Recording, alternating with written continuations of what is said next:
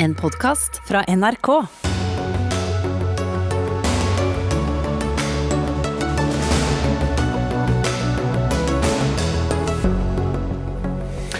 Norge klarer trolig bare å kutte om lag en tredel av egne klimautslipp innen 2030, viser ny rapport. Hvordan har regjeringen tenkt løse det, i den grad det er mulig? Hun var den første i Norge som offentlig sto frem som homofil. I dag hyller Norge den avdøde homoaktivisten Kim Friele. Bli hjemme er rådet fra forsikringsselskapet Trygg til nordmenn som vurderer reise utenlands, mens helsemyndighetene mener vi bare kan pakke kofferten og dra. Og regjeringen vil ikke åpne for eldre arbeidstagere, forkaster forslaget fra Solberg-regjeringen om å øke aldersgrensen i staten fra 70 til 72 år. Da sier vi god kveld og velkommen til tirsdagens Dagsnytt 18. Jeg heter eh, Espen Aas, eh, der vi også skal la de to meieriene Tine og Ku møtes i studio. Men eh, knapt har vel blekket fra avtalen i Glasgow rukket tørke før vi får en ny rapport eh, som slår fast at Norge ikke kommer i nærheten av å nå egne mål om utslipp, verken i 2030 eller 2050. Av planlagte 29 millioner tonn med kutt de neste årene ligger vi an til å klare 13, ifølge rapporten. Straks skal industri møte politikk, men vi begynner med deg, Remi Eriksen, konsernsjef i DNV, som har laget rapporten sammen med Norsk Industri. Hvorfor ligger vi så dårlig an? Det er fordi at uh, vi har et energisystem som, som, endrer seg raskt, men som ikke endrer seg raskt nok. Så i vår modell har vi sett på verdens energisystem og hvordan da det norske uh, energisystemet endrer seg i de neste 10-20-30 årene. Og da er endringen ikke rask nok til å, å nå de målene som er satt. Mm. Hva er det som trengs? Nei, Det som trengs, er at man må få elektrifisert så mye av energisystemet man kan elektrifisere. Men ikke alt kan elektrifiseres, så da er det hydrogen eller hydrogenbaserte drivstoff som må tas i bruk. Og så er det en eh, residual, en rest, som må fanges av enten karbonfangst og -lagring eller direkte fra luft eller naturbaserte si, lagringsmekanismer. Mm. Og veien til 2030 eh, er jo ikke så lang. Skal vi se bakover, altså åtte år eh, bakover eh, i tid, så mm. er vi altså 2013. Mm. Mm. Så tiden er, er knapp. Men hva kan gjøres? Altså, er, det, er det oppnåelig overhodet? Den forrige rapporten deres var jo tvilende til om dette ja. overhodet lot seg gjøre. Altså, dette er jo den mest sannsynlige veien fram mot 2050 som vi har sett på. Da. Og det er klart at det er med eksisterende politiske rammeverk og de tiltakene som vi ser er i aksjon i dag. Det er klart at Hvis man strammer til, så kan man få til mer. Så, så det er mulig å komme i hvert fall mot 2050. 2030 er bare åtte år fram i tid. Så her må man eh, gjøre ganske harde grep for å få det til. Og da er det spesielt dette med å få mer grønn kraft. Det er utrolig viktig. Både for å få til utslippsreduksjoner, men også for å skape ny vekst i hva skal jeg si, industrien. Og lukke noe av det eksportinntektstapet som kommer med fallende olje- og gassinntekter. Ja, for eh, som, som, situasjonen er i dag, så eksporterer vi jo det remmer og tøy kan holde av vår grønne, rene kraft til uh, Europa, hvor, som har et stort uh, behov. Både fordi de har lukket uh, en del fossile energikilder, men også fordi det er behov på, på andre områder. Men kan vi både fortsette å eksportere i så stort monn og dekke dagens kraftbehov i Norge, og da i tillegg skulle både elektrifisere sokkel og, og erstatte andre energiformer? Vi må bygge ut mer eh, grønn kraft, og da både i forhold til havvind, eh, men også hydro og sol som, som, må til. Det er ikke noen tvil om det. Mm. Og, og vind på land. Ja, Som er veldig kontroversielt mm. også, hvor det handler mer om uh, å diskutere enn å gjennomføre om dagen. Ja, og Energisystemet blir mer og mer integrert, og vi er en del av energisystemet i Europa allerede i dag. Og sånn vil også verden videre eh, utvikle seg. Mm. Ja, Espen Freide, klima- og miljøminister fra Arbeiderpartiet. Det går ikke så bra? Det er, det, dette er en veldig god rapport fra DNV som minner oss om hvor eh, krevende det er å nå de høye målene som Norge har satt seg, og som Europa og verden også har satt seg. Det er en veldig god påminnelse om alvoret. Eh, og jeg mener den rapporten sier mange fornuftige ting. Så er det jo veldig viktig å få fram at den også sier at eh, det at vi ikke lykkes, det er jo med nåværende politikk. Og Da må vi jo slutte med nåværende politikk da, og få en eh, mye mer tydelig radikal politikk på dette, hvor vi nettopp bygger ut mye mer grønn kraft, men også tar den i bruk i alle samfunnssektorer. For det er jo både et spørsmål her om å produsere nok, men også bruke den alle steder hvor vi i dag bruker fossil energi, og derved kutte utslipp. Og det går an. Men jeg tror jeg skal være den første av alle til å si at dette er ikke enkelt. Og dette krever eh, virkelig mye innsats, eh, både på da å produsere nok, men også å lære oss å bruke den i hele samfunnet. Det er bygg og anlegg, det er landbruk og fisk, det er industri, det er transport osv. Mm. Stein Lier Hansen, eh, i Norsk Industri, det er jo mange av dine bedrifter også som skal være med på å sette det grønne skiftet ut i livet. Jeg sjekket, det er under 3000 dager igjen til første milepæl, eh, som altså er i 2030. Hva mener du er realistisk? Altså Det er realistisk. Tar du prosessindustrien, da, som har en del store utslipp, men som også produserer de lettmetallene og kjemikaliene som verden trenger, så har vi jo redusert utslippet med 40% siden 1993. Og Det investeres nå milliarder i nye produksjonslinjer, og prosessindustrien må bli klimanøytral. Hvis ikke så blir ingen andre klimanøytrale.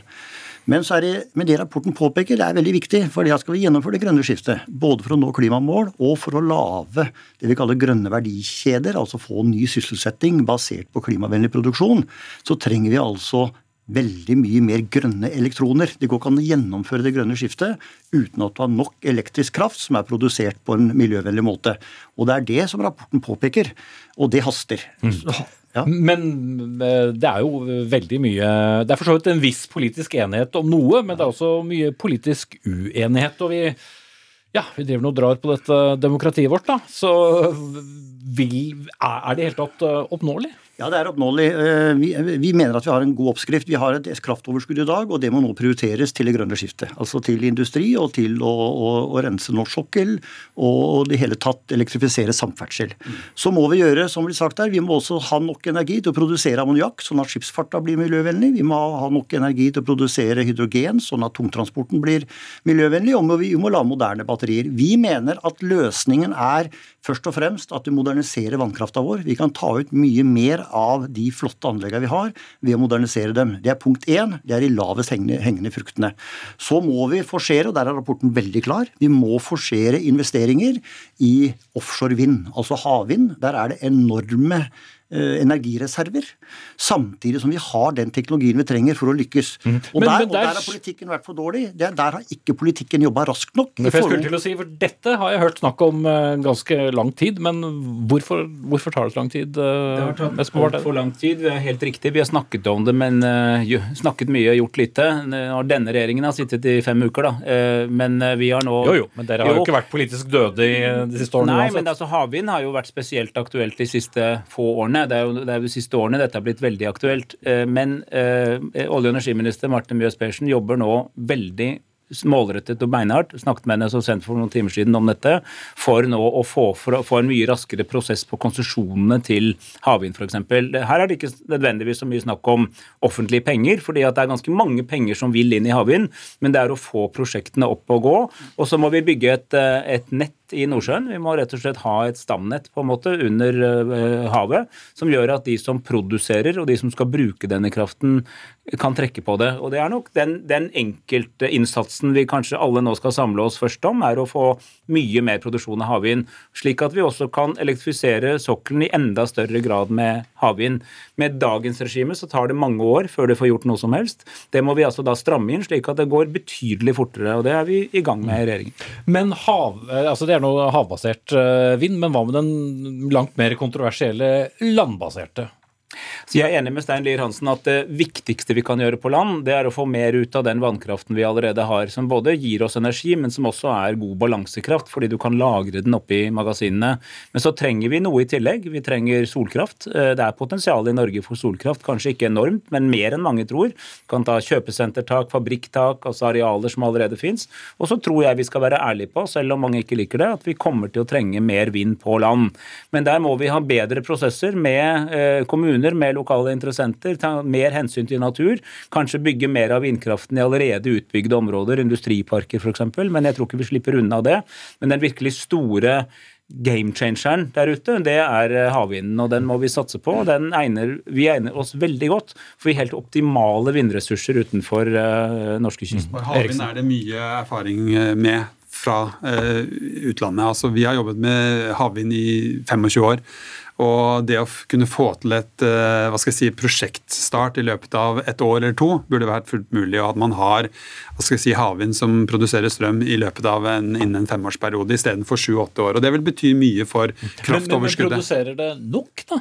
Ja, det, Vi må ha mer eh, arealer enn de to områdene som er nå, for å få til det vi ønsker å få til. Det er det ikke noe tvil om. Og da må politikerne jobbe enda raskere med konsesjonen? Enda raskere, enda mer målrettet og enda, jobbe enda tettere sammen med næringslivet. og Derfor foreslår vi også noe vi kaller klimapartnerskap, hvor vi setter oss ned med alle berørte næringsområder, sektorer, og sier vi har noen veldig strenge krav. De skal vi nå. Men eh, hva er det vi kan gjøre? Er det noen eh, lover og regler som trengs? Noen som kan fjernes? Er det noen skatte- og avgiftsendringer? Er det noe vi kan gjøre med virkemiddelapparatet til staten, slik at disse tingene går fortere? Og Det håper jeg vi kan eh, om noen år se tilbake på og si at der ble det et eh, skifte med denne regjeringen, hvor de gikk mye raskere fram i mye tettere partnerskap knyttet til det som på altså noen store samfunnsoppdrag, som er å få ned utslippene og få opp jobbene, fordele rettferdig og se en helhet i dette. Ja, Inneværende stortingsperiode er jo halvparten av den tiden vi har, da, i hvert fall fram til, eh, til 2030. Eh, Stein Lier Hansen, næringslivet pleier som regel å ha litt dårligere tid enn politikere, og det skal jo for så vidt ikke gjenvelges heller. men ut fra erfaringene vi har, da vi, skal, vi ser jo tilbake og måler oss mot uh, tidlig 90-tall, hvor det jo ikke har skjedd enormt, og så skal vi ta igjen alt som ikke har skjedd, og enda litt til på, på åtte år? Nei, altså Vi har kasta bort mye tid. Allerede i 2007 utreda vi havvind. Eh, og så har det tatt 11-12 eh, år for å i, for å få plass et regelverk, altså lovverket. Og sånn kan vi ikke jobbe. Men det som er så bra med havvind, det er en vinn-vinn-situasjon. Det ene er at det kan gi oss veldig mye grønne elektroner som vi trenger for å oppfylle Parisavtalen og lage nye arbeidsplasser. Men det andre er at Norge er en stormakt på avanserte maritime operasjoner. Sånn at alle de 180 eh, 000 som på en måte har jobba med avansert teknologi knyttet til olje og gass, de kan gli rett inn i et havvindeventyr. Men det må rulles ut, da? Det må rulles ut, og det haster. Og der er vi enige med rapporten. altså Vi kan ikke vente til 2030. Her må vi sette i gang i løpet av én til to år. Mm. Er, det, er, er, det, politisk mulig? Én til to år? Ja, jeg mener at eh, vi må sikte på å gjøre det så raskt som overhodet mulig. Vi skal selvfølgelig ha ordentlige prosesser, men jeg mener at får du mye mer trøkk på det, snakke med alle interessenter, få de ulike, ulike interessegruppene til å møtes, så burde det kunne gå betydelig fortere enn i dag. Jeg vet at det ikke er enkelt, men, men vi må rett og slett lykkes med det. Og det som Stein Lier Hansen sier er utrolig viktig. Det er en veldig stor overføringsverdi fra leverandørindustrien til olje og gass. og Så sier jo DNVs rapport at den etterspørselen den faller fortere enn de fleste har fått med seg. Det går veldig bra nå, men det er noen år til, og så faller olje- og gassetterspørselen. Det er ikke noe vi kan velge bort. Sånn er det. Og, og, og det vi jo da vet, er at lenge før inntektene faller, så faller utbyggingen. ikke sant? Fordi at du slutter jo å bygge ut en god del år før du slutter å produsere. og Da må du ha noe nytt, og da er havvind et godt eksempel på det. Sammen med karbonfangst og -lagring, grønn skipsfart eh, osv. Mm. Ja, dere har sluppet eh, to rapporter som sagt på ganske kort tid da, eh, fra DNV Remiksen. Hvor Eh, raskt går det før enda en rapport slår fast at dette, dette går sakte? For nå, nå måler man mye. Ja, jo da, men det, det, Vi sier jo at det, det, kommer til å skje mye. Det er bare at det ikke er nok i forhold til de målene som er satt. Bare til å sette det i perspektiv. Vi går fra 50-50, 50, 50 eh, rent til, og 50-50 eh, 50% fossilt, til 80-20. Altså 80 eh, rent og 20% fossilt, og så tar man og fanger 10% Så man går faktisk fra 50-50 til 90-10. Så det skjer mye, men det er bare ikke nok i forhold til de målene man har satt seg. Så det er en endring, men ikke stor nok for å møte de målene vi selv har satt oss. Under 3000 dager, som sagt. Jeg takker dere av alle tre. Remi Eriksen, konsernsjef i DNV GL, Espen Barth Eide, klima- og miljøminister, og Steinlir Hansen i Norsk Industri.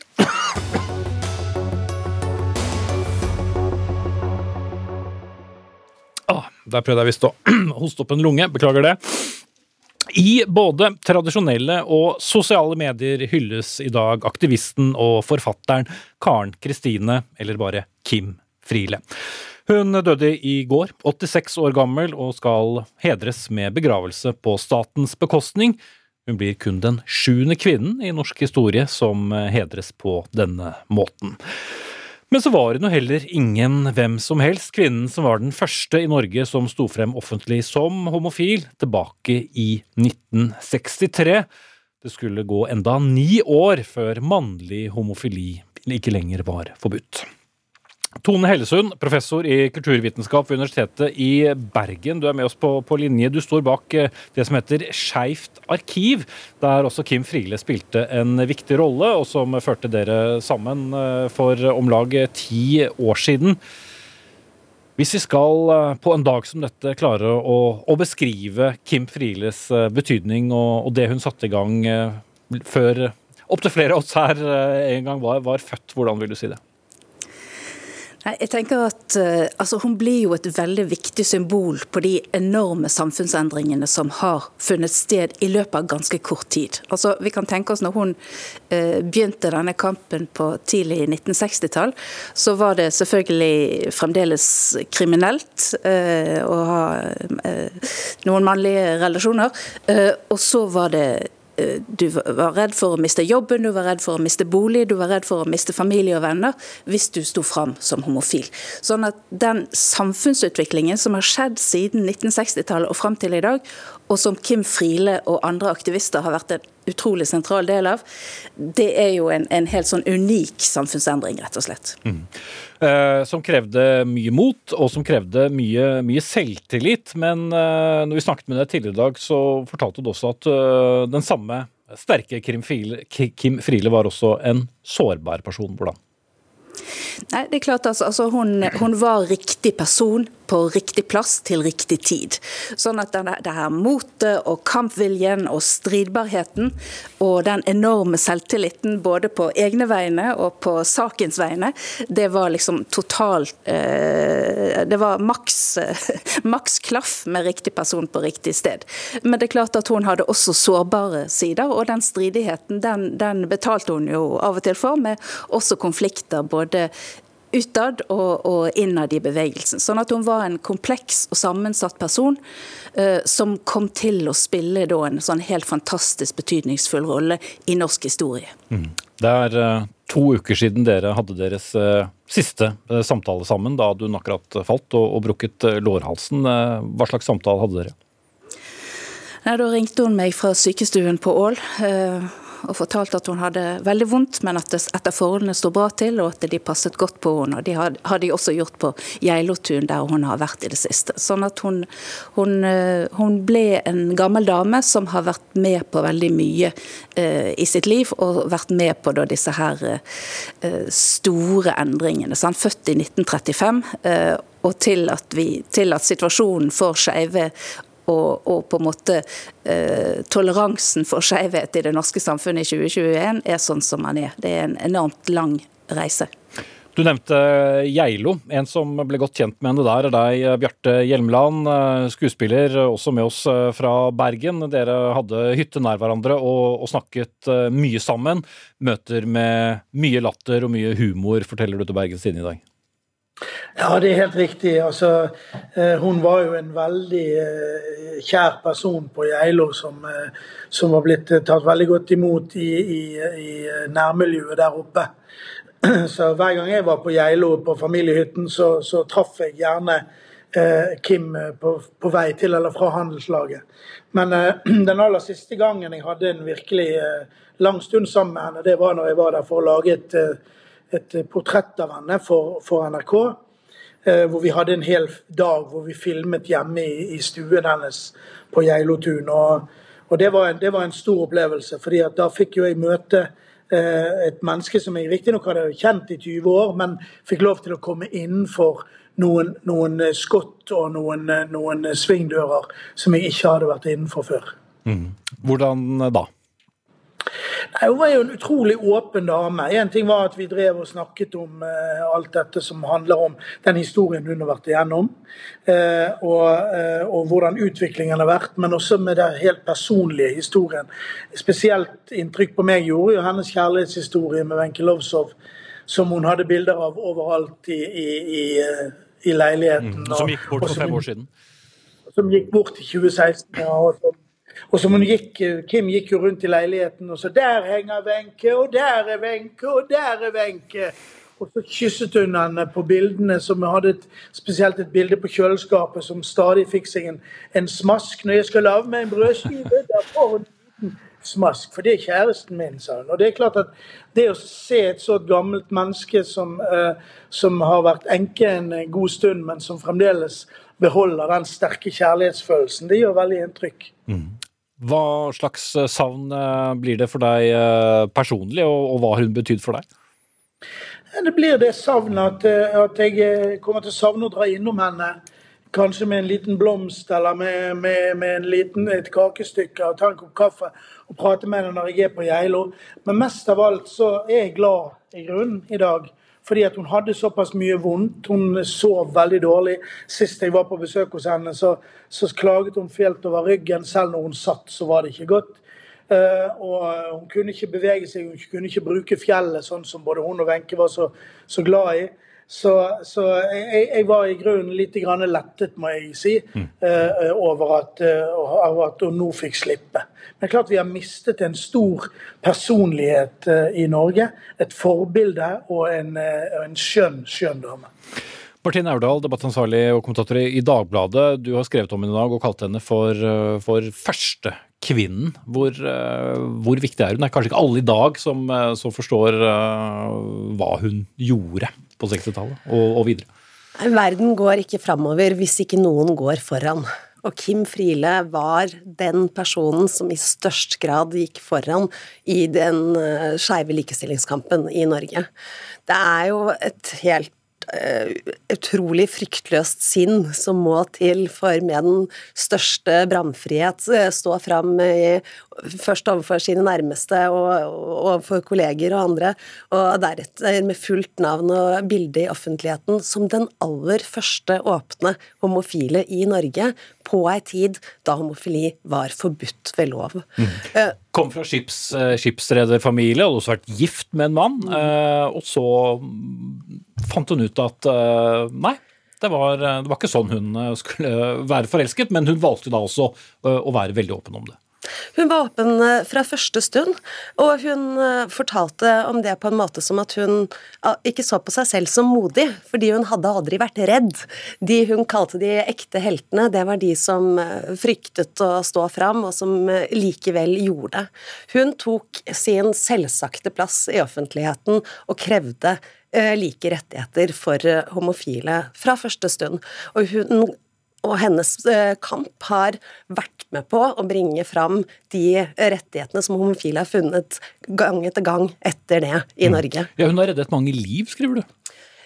Det at noen står fram på den måten slik at andre kan kjenne seg igjen og er med på å slåss fram de rettighetene som gjør at det blir mulig for andre å leve gode liv, det er med på å redde liv. Dette er jo ei gruppe som hadde det fryktelig vanskelig. Da hun kom inn i eh, det som da het Det norske forbundet av 1948, all, eh, levde alle under pseudonym, det var hemmelige møter, mange var alkoholiserte. Eh, hun sa at sånn kan vi ikke leve, og sånn ville ikke hun gjøre det. Og så tok hun over den foreningen hun, eller lederskapet i foreningen. Hun var med på å sto i spissen for kampen mot uh, først uh, kriminaliseringen av homofile, og deretter så har hun kjempet slag etter slag for å uh, vinne nye rettigheter, enten det da var partnerskapsloven, retten til å adoptere osv. Og, så og hun fortsatte jo denne kampen helt til det siste. Hun har også kjempet mot tvangssterilisering av transpersoner som skifter kjønn. Hun leverte jo tilbake Fritt Ord-prisen sin da Nina Karin Monsen fikk den, og ledet stor demonstrasjon i protest mot Nina Karin Monsens uh, uttalelser om homofile. Uh, og hun utfordret Mojaildin Mohammed til å steine henne på Jungstorget i 2010. Og Kim Friele, hvis hun hadde vært her med oss i dag, ville påpekt at kampen heller ikke er over. Mm. Nei, for Det var det jeg skulle si til deg, Tone Hellesund. fordi i dag tenker vi bare nå er ikke folk i så stor grad opptatt av din legning, men hun mente at det nyttet ikke å, å hvile på, på laurbærene her. Nei, Hun var veldig opptatt av at vi må være bevisste på historien. og Vi må huske historien og vi må kjenne historien og skjønne at de rettighetene som er oppnådd, de har ikke kommet uten kamp, og de rettighetene kan forsvinne igjen. Eh, så sent som i 2019 så holdt hun tale på Storda Pride, og der snakket hun om at hun var bekymret for de iskalde vindene som igjen blåser over Europa. Og på dette feltet her så ser vi jo det at rettigheter kan også forsvinne. Så hun var veldig opptatt av den eh, politiske biten av historien, men også generelt den skeive historien. Vi vet fryktelig lite om norsk skeiv historie fordi at det ikke har vært forsket på. Kim Friele var faktisk den første i Norge som skrev en bok om skeiv historie. Da skrev hun om De forsvant bare, om, om eh, nazistenes forfølgelse av homofile. Sånn at hun har på en måte hele tiden vært opptatt av historien, og gjennom å ta vare på å bygge opp sitt store arkiv, så har hun også tenkt tenkt på at ettertiden må få vite dette her. Ettertiden må få vite hvordan det var, hva vi gjorde for å fortsette kampen videre. Mm. Og nå er hun selv en del av den historien. Takk til Tone Hellesund, professor i kulturvitenskap ved Universitetet i eh, Bergen, Bjarte Hjelmeland, skuespiller, og Martine Aurdal, eh, kommentator fra Dagbladet.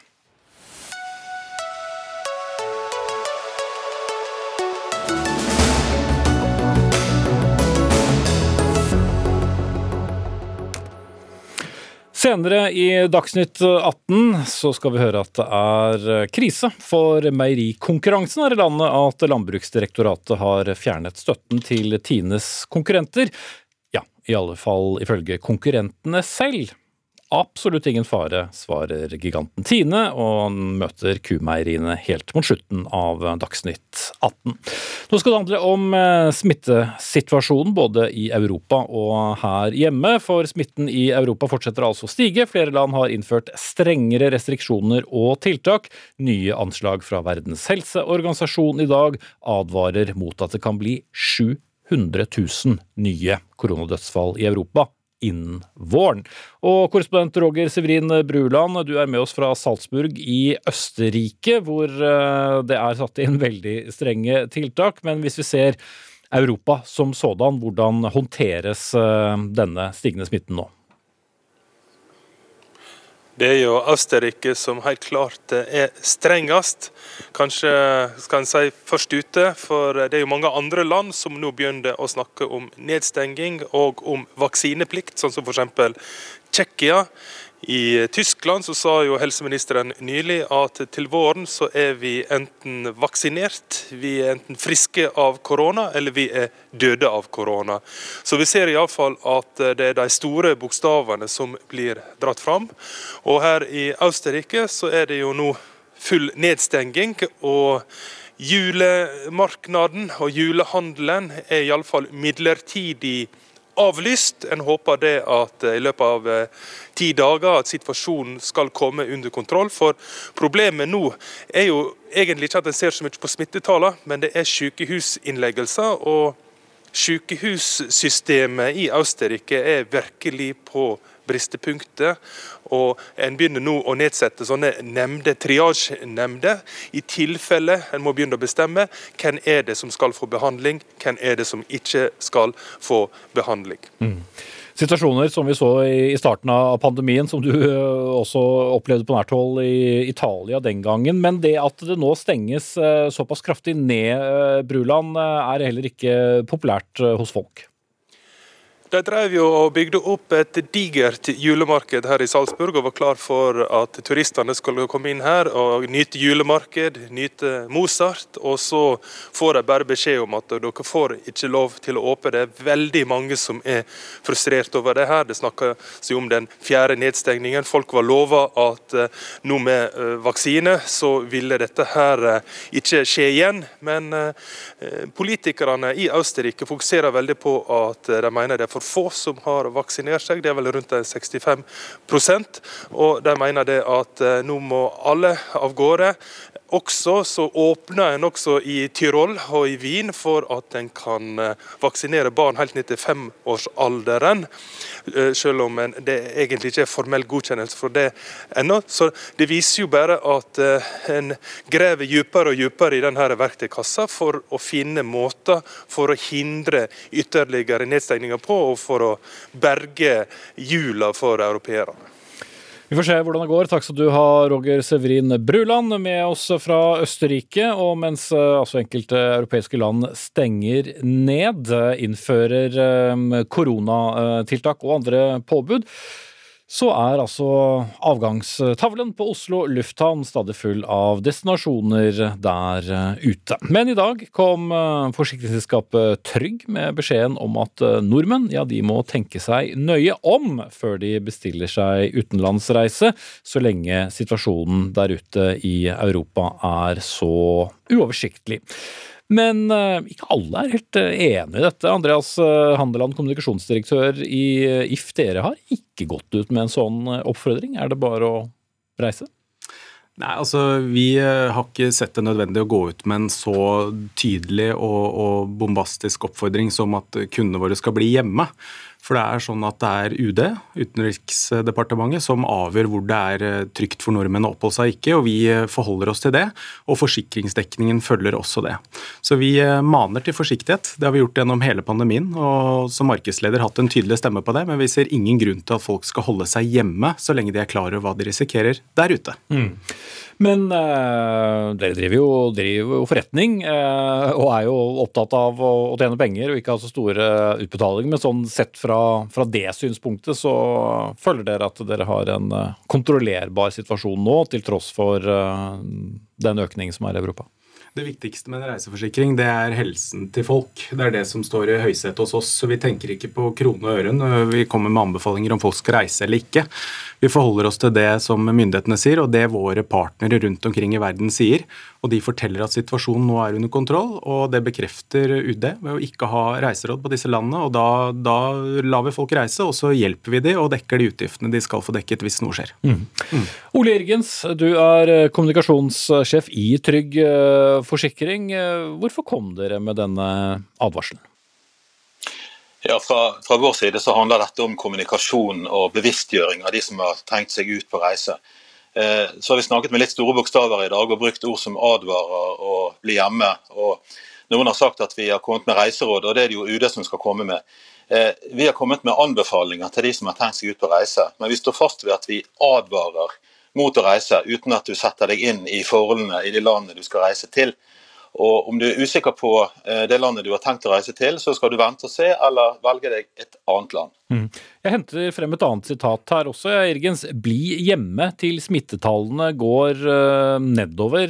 Det er jo ganske klar beskjed om ikke reise? I hvert fall til enkelte land. Ja, hvis, hvis, det landet du har tenkt å reise til er usikkert pga. høye smittetall, så skal du bli hjemme eller velge deg et annet land som er tryggere å reise til.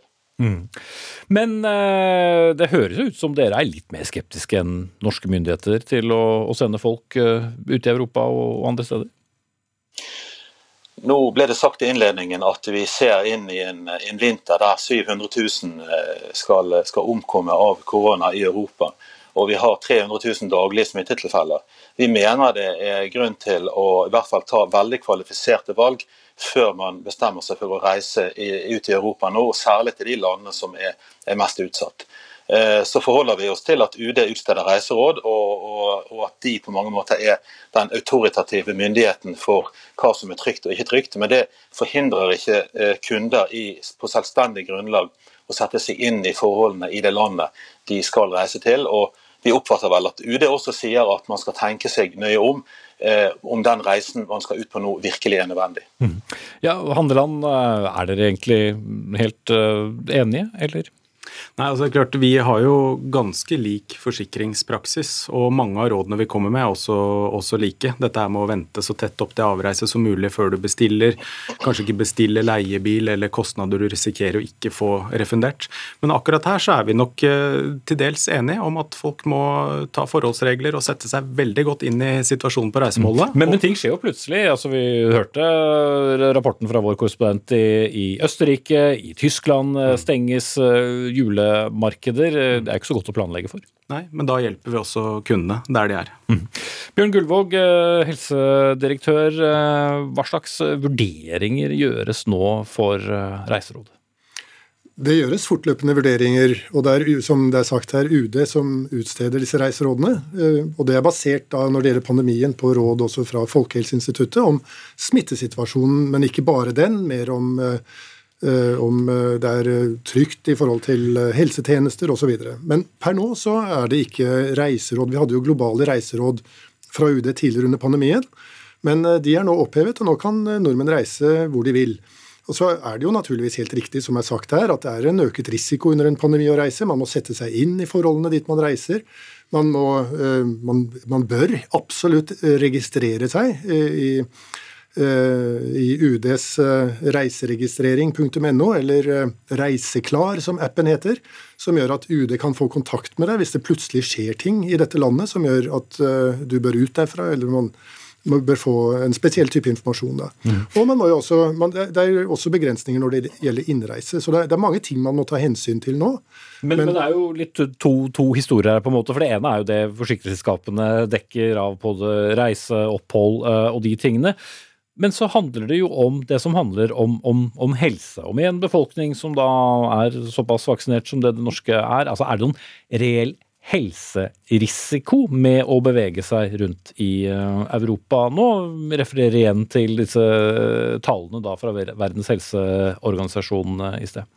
Det er jo en risiko kan du si, i alle land, inklusive vårt eget. Så du finner jo områder i Norge også med eh, høy eh, smitte. Sånn at uh, risikoen behøver ikke å være så veldig annerledes. Så I mange av de landene man reiser til i Europa, så har de kanskje vel så sterke smitteverntiltak som det vi har her hjemme. Så jeg vil ikke overdrive den risikoen det er ved å reise, sånn i forhold til det å bevege seg uh, rundt i vårt eget land. Men uh, det er veldig viktig å, å, følge med, som er sagt her også, og prøve å finne ut hva er tilstanden i det landet man har tenkt å reise til. Det kan jo både være pga. veldig høy smitte dit man kommer, og risiko for å bli smittet, og eventuelt eh, mangelfull helsetjeneste, eh, ikke mulighet for å bli fulgt opp på den måten som man måtte ønske seg, eller at det er eh, muligheter for at det innføres strenge tiltak som gjør at reisen blir helt annerledes enn det man har planlagt. Men, men vi er jo de aller fleste i dette landet dobbelt vaksinert, og ja, det vaksineres ikke mot, mot smitte, men dere gjentar jo stadig at det, vi er jo vaksinert mot alvorlig sykdom, de aller fleste av oss, så helserisikoen som sådan, er den liten? Ja, det vil jeg si. Hvis man er fullvaksinert øh, og frisk, og, og, i hvert fall hvis man er relativt ung. Nå har vi jo sagt at de over 65 øh, bør nå vaksinere seg raskt. Og jeg ville nok tenkt at øh, for et eldre menneske å legge ut på en reise nå, hvis man ikke har denne tredje dosen, det ville jeg i hvert fall tenkt litt grundig på i forkant, og forsikre meg om at man da ikke kommer i situasjoner som blir veldig vanskelig å håndtere. Men de aller, aller fleste som har eh, fått eh, to doser, vil jo ha en veldig, veldig god beskyttelse mot eh, denne, dette viruset og kunne tåle en infeksjon ganske godt. Mm. Ole Irgens i, i Trygg Forsikringen, sist gang dere frarådde utenlandsreise med bakgrunn i smittesituasjonen, var jo helt tilbake i mars 2020. Med så mange som da som er fullvaksinerte, som, som Gullvåg også viser til, eh, er det da så mye å advare mot? Altså Forrige gang vi, vi, sa noe lignende, så stengte jo Norge og Europa ned to dager senere.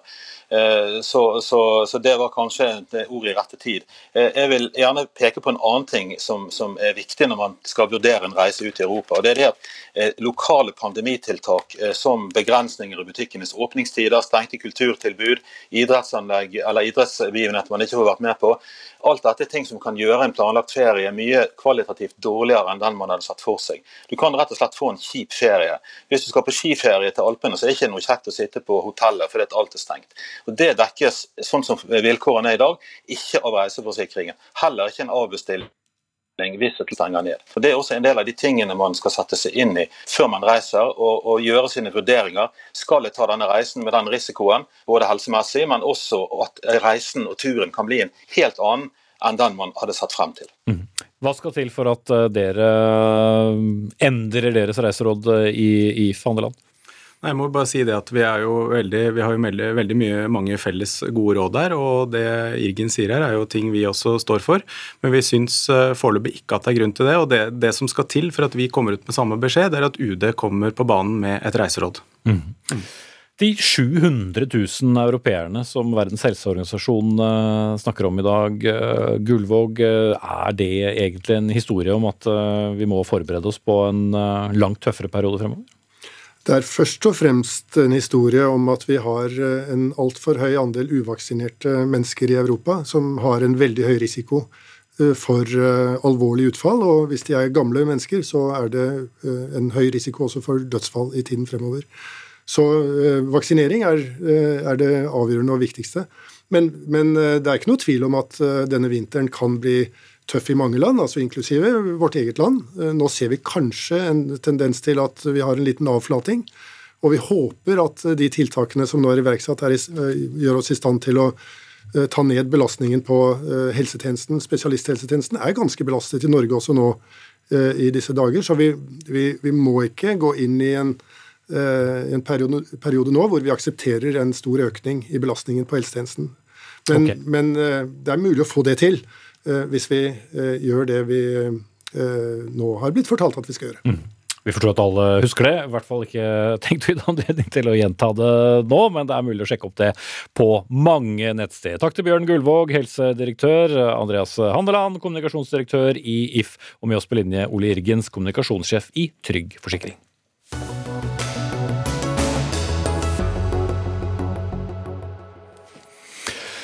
De gamle er eldst, men kanskje ikke nødvendigvis alltid i jobb. Regjeringen stenger nemlig døren nå for eldre arbeidstagere i staten, skrev, skriver Finansavisen. Og Støre-regjeringen forkaster dermed forslaget fra Solberg-regjeringen om å øke aldersgrensen for arbeidstagere i staten fra 70 til 72.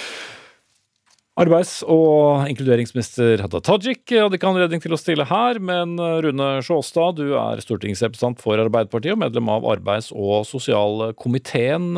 Hvorfor vil vi ikke ha statsansatte som jobber til de er 72? Vi vil gjerne ha statsansatte som jobber til de er 72, men vi vil ikke endre den alminnelige grensa fra 70 til 72. 72. Så eh, det vil på ingen måte si at det er noen form for fratredelsesplikt eh, når de fyller 70, men at da skal man gjøre en avtale mellom arbeidstaker og arbeidsgiver for å legge opp et løp, sånn at de fortsatt kan stå i arbeid. Mm. Anna Molberg, stortingsrepresentant fra Høyre. Dere mener jo da at dette er, er galt, men eh, er eldre arbeidstagere så veldig ettertraktet da? Altså Høyre er på arbeidstakernes linje i, i akkurat denne saken her, og, og, vi mener at det ikke er riktig å sende dyktige og motiverte 70-åringer inn i en pensjonisttilværelse uten at de selv eh, ønsker det. Og da mener vi også at eh, alders, eh, altså reglene i loven også må endres. Vi syns ikke det skal være en aldersgrense på 70, sånn som det er i dag, for statlige ansatte. Vi mener det skal være 72. Og så er det jo sånn at vi ble jo enige med Arbeiderpartiet om et pensjonsforlik i, i sin tid, og da er det jo sånn at det lønner seg jo i dag å stå lenger i jobb dersom vil, du vil ha økt pensjon. Mm. men døren er ikke helt lukket, sier Sjåstad? Nei, jeg hører jo det, men de ønsker jo fremdeles ikke å ta til etterretning det forslaget Solberg-regjeringen fremmet rett før vi gikk av i september. Så jeg syns jo på en måte at uh, Arbeiderpartiet kan være litt mer tydelig da, på hva dere ønsker å gjøre med, med aldersgrensene for statlige ansatte. Vær så god.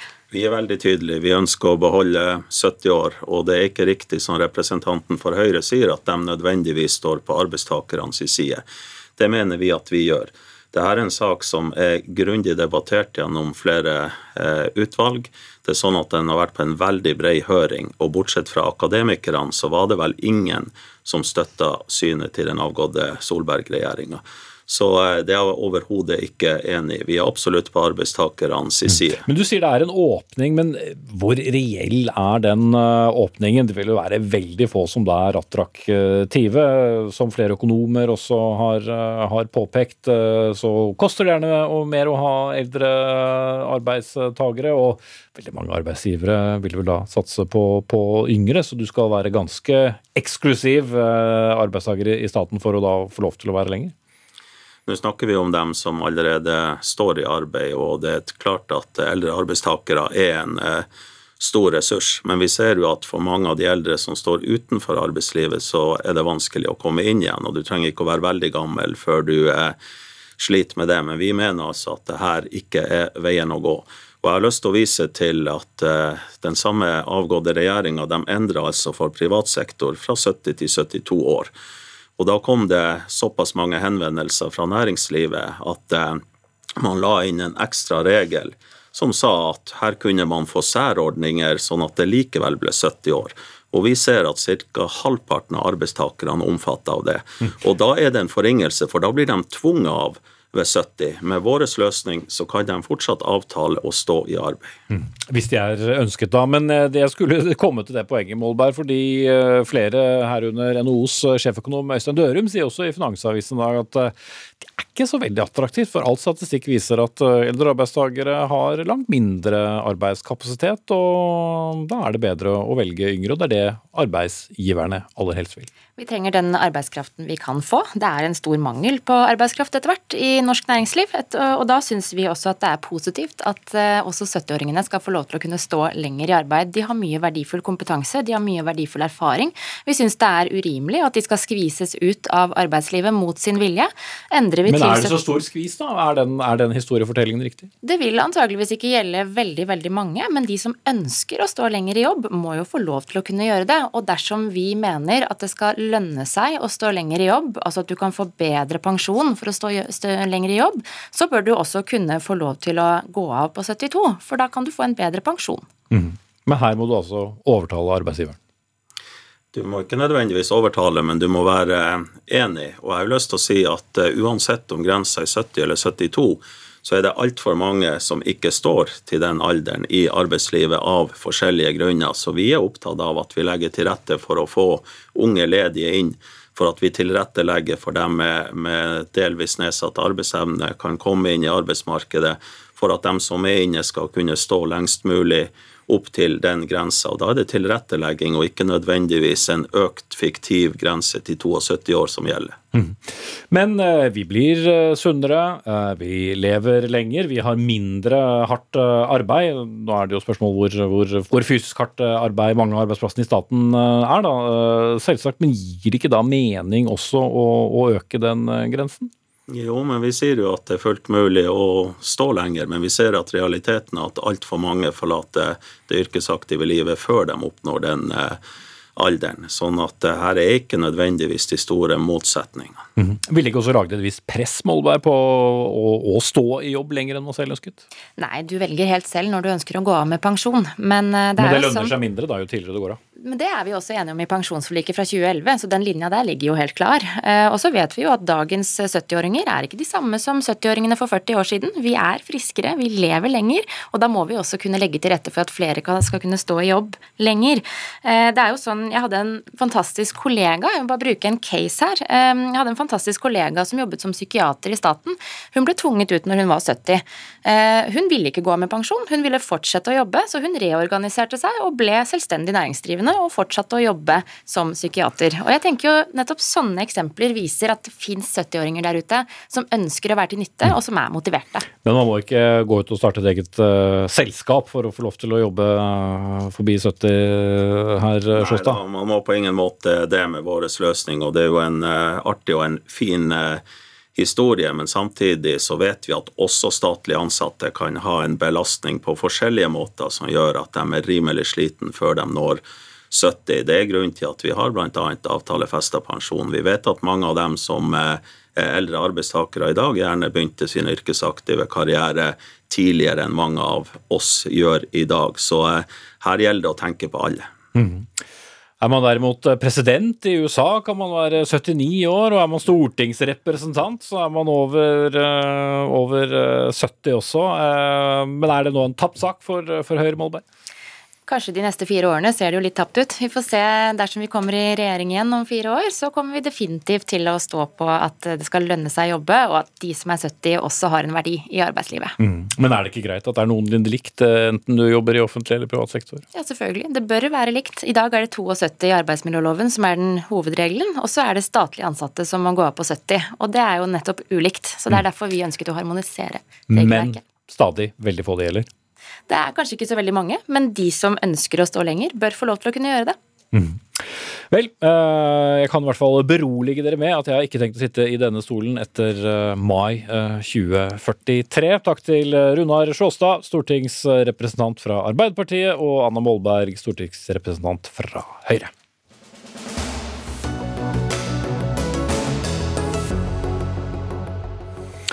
Så til eh, konkurransen om eh, melken, eller kanskje melkekundene. For eh, det er litt dårlig stemning i den sektoren om dagen. Landbruksdirektoratet har fjernet en støtte støtteordning på nærmere 60 millioner kroner til Q-meieriene og Rørosmeieri, som sikkert flere har fått med seg. Denne støtteordningen ble innført tilbake i 2004, og skulle, da, skulle da gjøre det lettere å kjempe om kundene. 17 år senere er det altså slutt, og Kristine Aasheim, du er styreleder i Q-meieriene. Så vidt jeg forstår så utgjorde dette frakttilskuddet da 50 millioner kroner for eh, dere. Hva blir konsekvensen av at dette nå faller bort? Ja, det er klart at det er en stor konsekvens for oss eh, når eh, halve overskuddet vårt eh, bortfaller. Ehm, vi er opptatt, og vi er her for å skape konkurranse. Det er 25 år siden Stortinget besluttet at det skulle bli konkurranse i Norge. Og i 23 år så har Q kjempet for nettopp å ha konkurranse på like vilkår. Og med konkurranse på like vilkår så handler det nettopp om at du får kompensert for noen strukturelle ulemper du har. Ku, vi har to meieri, to små meieri som ligger langt fra de store markedene. Og vi må altså frakte melken inn til 21 grossister. Det er en fraktetappe som Tine ikke har, og det har vi da blitt delvis kompensert for med disse 50 ørene eller 50 millionene, for vi har 100 millioner liter melk. Mm. Men, men hvis dere, altså etter 17 eh, år da fortsatt eh, trenger 50 millioner kroner i hjelp eh, fra staten, er dere da konkurransedyktige? Ja, altså Det er som sagt en strukturulempe eh, som, som, vi har. Ved å ligge langt fra de store markedene, så får du en, en tra lengre transport. For det kan ikke være sånn at vi må ha elleve meierier og direkte eh, transport ut til kundene, sånn som Tine har, for å kunne konkurrere. Så det at vi har eh, nettopp den tilskuddsordningen, er en del av det du må legge til rette for når du skal utjevne på en måte en strukturulempe og du vil ha konkurranse. Og så er det jo sånn da at denne ordningen som vi snakker om, som dekker dette, der der er det jo avgifter og utgifter. Eh, og vi eh, betaler jo mer avgifter inn til denne ordningen enn vi får i tilskudd. Mm. Men, en eh, oversikt fra, fra Landbruk24 viser at dere har med årene ganske gode driftsmarginer og ligger ikke så langt unna Tine. Tine hadde en driftsmargin i fjor på 9,5% dere hadde 6,9. Året før var dere nesten like. I 2019 hadde dere 6,2, mens Tine hadde 6,3. Så dere sliter vel ikke økonomisk? Vi har eh, nettopp fordi at vi har fått et løfte om at vi skal ha konkurranse på like vilkår, og at eh, det skal være forutsigbare rammebetingelser, så har vi investert nå i eh, nytt meieri på Jæren for å drive innovasjon og utvikling. For å virkelig sikre at det skal bli konkurranse i det norske markedet. Ku står for 7 og vi ønsker jo å utfordre og utvikle det norske meierimarkedet. Og det Når du investerer basert på eh, forutsigbare rammevilkår, så eh, er det utrolig viktig hvis du skal nettopp ta den rollen og gi forbrukerne mer innovasjon. Mm. Ole Martin Buene, du er kommunikasjonsdirektør da i, i Tine. Blir dere kvitt en brysom konkurrent nå? På, på, ingen måte. Det hun sier her er jo et eh, grunnlag for at de er en god konkurrent. Eh, og det hun kaller et lite meieri, eh, som de nå er straks ferdig med, blir jo Norges største meieri på melk. Det er 30 ganger større enn vårt meieri i Tana, eh, til eksempel. Mm. Men, litt... men, sånn Dere er jo langt større enn en kumeieriene totalt sett? Totalt sett, hvis man ser landet over ett, så er vi det. Men de andelstallene vi opererer med, blir jo veldig selektive. De velger å ikke være til stede i f.eks. i nord. Eh, hvis man ser på de mest befolka og mest lønnsomme områdene på Østlandet, så er de like store og i mange tilfeller større. Så konkurransen som dette tilskuddet var, eller disse tilskuddene var ment til å gjøre rett for, det, det har skjedd. Nå er det på tide å fjerne det. Mm. Men blir dette konkurranse på like vilkår, gitt at uh, dere opererer i ganske forskjellige markeder og, og størrelsen er deretter? Vi, absolutt så blir det like vilkår. Eh, det, det, det som kommer nå, det har vi snakka om lenge, vi har ønska oss. Eh, fordi at de ulempene som en gang fantes, finnes ikke lenger. De volumene de opererer med i dag, er mye større enn den gang de tilskuddene ble innført. Åsheim. Nei, avstanden fra meieri inn til de store markedene er akkurat den samme. Så vi forstår ikke at det tilskuddet skal eh, bort. Og det er klart at eh, man kan snu det som man vil, men 7% av meierimarkedet på 23 år, det er det kumeieriene har klart å få til. Og det har vi klart å få til gjennom innovasjon. Gjennom å skape ny vekst, nye produkter som Skyr, som eh, Drømmelett osv. Så, videre. så vi har vært en viktig utfordrer for å skape konkurranse. Og det har alle parter tjent på. Mm. Men hva skjer nå da? Eh, hvordan eh, vil man som kunde f.eks. merke noen forskjell når dette frakttilskuddet blir borte? Ja, for det skjer jo over natten. 25 dager fra vi får et vedtak til, eh, til tilskuddet. Ja, Varselet kommer vel i februar? Eh, det var et varsel om at det kunne skje, men eh, vi har hatt en god utredning på det. Og som sagt så har det også vært nettopp lovet en forutsigbarhet på hvordan man skal gjennomføre evalueringer. Men, men spørsmålet da om, om, om, kundene. Eh, vil ja. de merke forskjell? Kundene vil merke forskjell. Det er allerede eh, pris eh, ute i markedet som øker. Det vil, dette er dramatisk for, for, oss, vår mulighet til å drive innovasjon fremover. Og det vil kunne merke det på valgfrihet, mangfold. Eh, så dette er eh, dramatisk for konkurransesituasjonen innenfor meierivarer. Og Det er jo spesielt viktig å få til den på norsk melk. og Det er jo det vi ønsker gjennom å investere i et nytt meieri for å kunne drive okay. vekst for forbruker. Det, det og for... Eh, Bøne, men du, du mener det blir billigere? Ja, Dette tilskuddet finansieres jo en avgift som legges på melka, og den avgiften betales av forbruker. Så mindre avgift betyr jo billigere produkter over hele fjøla. Så hvordan de velger å prissette produktene, må jo de svare for. Men dette er fordel for bruker, og veldig glad for at du sier det er norsk melk. Det er vi helt enig i. Vi må øke konkurransekraften til norsk melk. Og jo mindre avgifter på den norske melka, jo bedre sjanse har vi til å konkurrere mot den stadig økende importen. Så dette er pro forbruker, pro bonde. Mm. Og faktisk fordel både Tine og Ku. Så det er en vinn-vinn-vinn-vinn-situasjon. Den store konkurransen fra utlandet, hvor stor er den? Eh, en økning på 16% bare i fjor. Eh, så den eh, Jo, men økningen, altså, men hvor mye Hvor, hvor reell er konkurransen fra utenlandsk melk med, med toll og, og, det som er? Nei, Det blir veldig komplisert hvis jeg Det er størst på ost akkurat nå, ikke så stor på vanlig drikkemelk. Men det er jo nettopp det vi prøver å, å hindre at skal skje.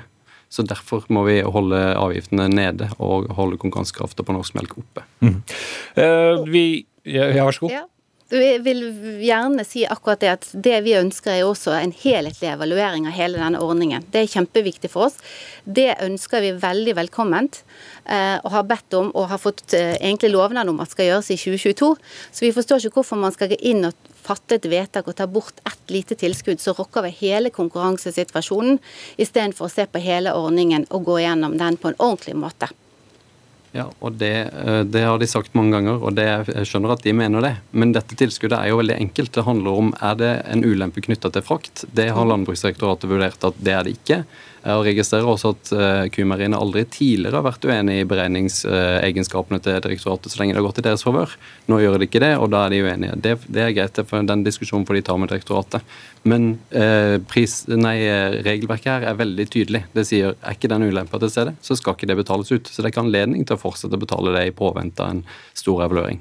Også. Og, og da tenker jeg at det er viktig også å si det at hva har endret seg? Hva har endret seg siden siste evaluering, annet enn beregningsmetoden? Meieriene ligger samme sted, avstanden inn til markedene er akkurat den samme.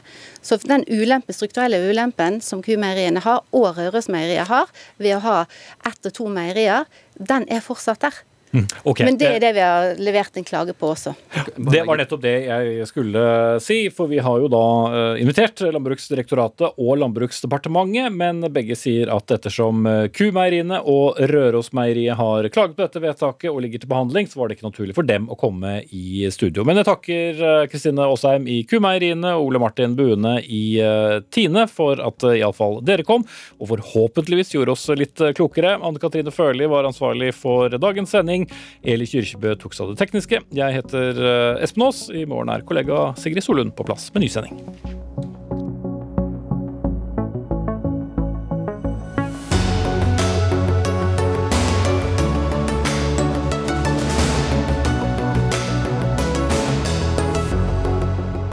Du har hørt en podkast fra NRK. Hør flere podkaster og din NRK-kanal i appen NRK Radio.